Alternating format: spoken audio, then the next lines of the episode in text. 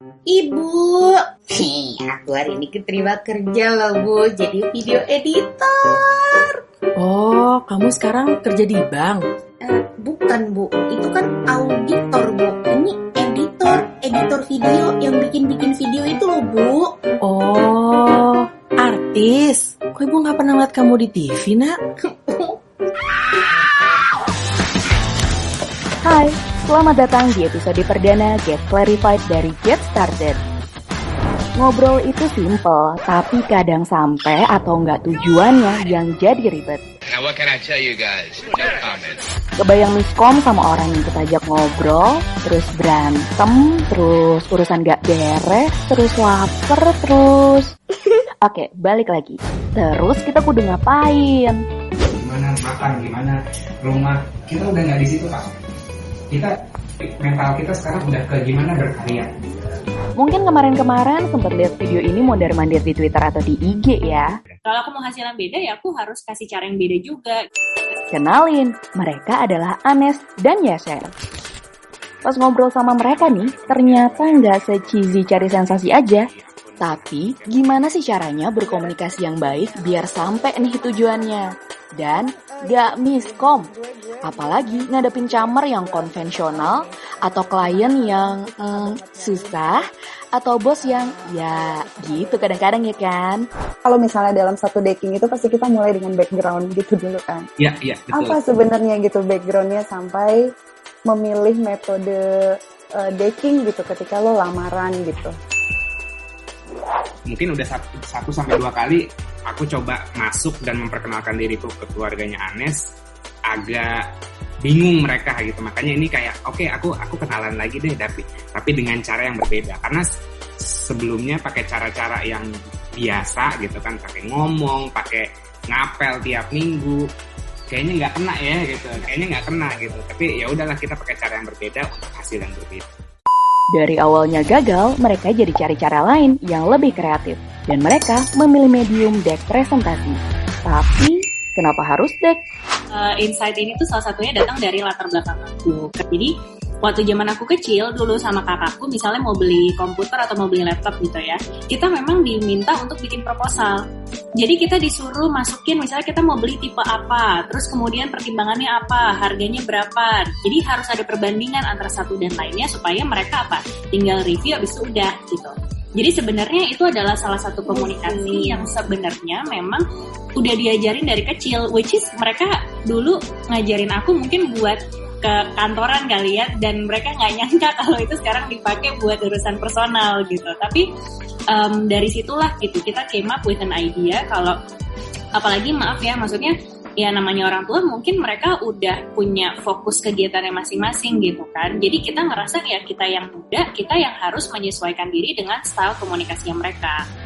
Yap, dari sini kita harusnya udah mulai nangkep ya kalau Yasher dan Anas ini juga pakai strategi dalam mengkomunikasikan apa yang mereka ingin sampaikan.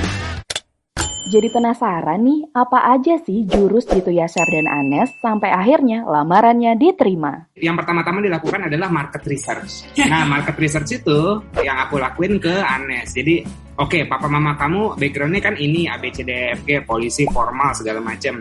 Dia biasanya ngapain? Temen-temennya biasanya nanyainnya apa aja, ngobrolinnya apa aja. Soalnya kan jadi salah jadi pertimbangan juga kayak eh mantu mantu lo kerjanya apa sih? Misalnya kayak gitu kan aduh aku jawabnya apa ya? Gitu. Itu bukan sesuatu yang salah tapi kayak eh, oh ya udah kalau emang kebutuhan kebutuhan marketnya seperti itu ya gue mau gue mau akomodir gitu. Gue mau fulfill eh, kebutuhannya gitu.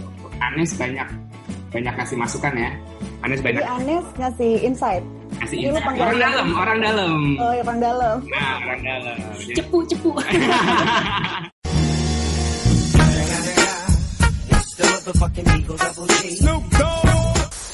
Oke, noted share. Hmm, tapi apakah jurus ngelamar pakai deck ini work? Soalnya kan target marketnya ke orang tua. yang aku ingat waktu itu pertama kali cuma oke cara ini masuk karena I got their attention dan through the visual itu membantu mereka. Jadi dari situ aku sadar oke ini adalah komunikasi yang efektif buat mereka. Ditanya kita nggak ngomongin benar atau salah ya, gitu. Tapi kita ngomonginnya adalah efektif karena balik lagi kita punya objektif dan kita ya maunya gitu kan supaya itu efektif dan efisien. Jujur orang tua memang waktu itu ngerasa ya ini cara baru dan bingung gitu. Meskipun agak bingung, tapi mereka cukup appreciate karena apa? Akhirnya dari situ sebenarnya terbuka komunikasi-komunikasi baru yang uh, emang kita biasanya kalau di rumah lebih ke arah yang mungkin ngomongin daily lives bukan bukan kayak update kehidupan detail-detail banget lah gitu challenge-nya juga yang yang yang yang perlu di di, di ditajemin adalah nge-convert uh, istilah-istilah keyword-keyword yang biasa dia pakai hmm. sama uh, yang sekarang sedang terjadi kayak gitu. Ya. Misalnya misalnya di, mereka bingung kerjaan gue apa gitu kan. Gue bilang kayak gue konsultan marketing. Kalau zaman dulu marketing itu ya jualan marketing panci marketing apa marketing mobil gitu kan. Tapi uh, nggak kayak gitu. Jadi akhirnya gue coba ngejelasin ke mereka adalah oke okay, kalau di, di zamannya dia apa sih yang yang konsultan? Oh konsultan pajak sama konsultan hukum. Ibu ibu bapak mungkin tahu ada konsultan pajak ada pengacara itu kan konsultan hukum. Nah aku tuh kayak mereka gitu. Aku tuh konsultan marketing jadi marketing profesional. Bener banget nih, salah satu poin penting lain yang kudu kita perhatiin itu ya.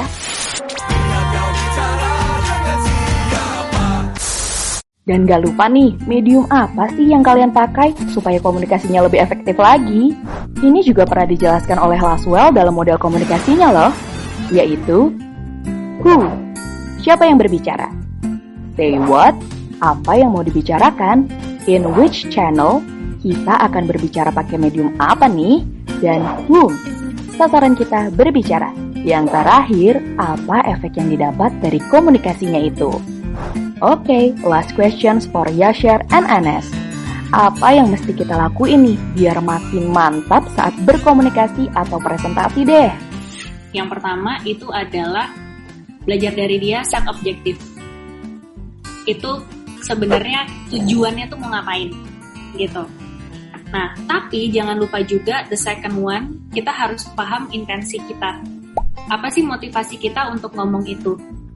Sama yang ketiga, aku juga orangnya bertele-tele dan kadang-kadang pikirannya nggak terstruktur. Jadi, pikirin dulu intinya apa dalam sebuah kalimat atau satu poin gitu.